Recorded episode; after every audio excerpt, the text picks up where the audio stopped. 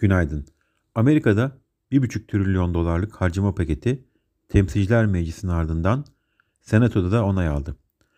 Amerika Birleşik Devletleri Hazine Bakanı Janet Yellen, enflasyonun bu yıl yüksek seviyede kalması beklediğini açıkladı. Avrupa Merkez Bankası piyasa beklentine paralel olarak faizleri sabit tutarken açıklama metninde varlık alım programının daha hızlı küçültüleceği duyurdu. Dün Cumhurbaşkanı Sayın Recep Tayyip Erdoğan, Amerika Birleşik Devletleri Başkanı Joe Biden ile telefon görüşmesi gerçekleştirdi. Cumhurbaşkanlığı İletişim Başkanlığı'ndan yapılan açıklamaya göre görüşmede Rusya'nın Ukrayna'ya saldırısı dahil bölgesel gelişmeler ve Türkiye-ABD ilişkileri ele alındı.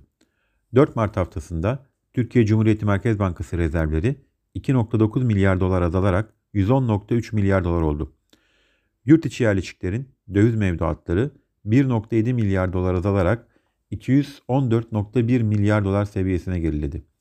4 Mart haftasında yurt dışı yerleşikler 309.2 milyon dolar değerinde hisse senedi, 181.4 milyon dolar değerinde tahvil sattı.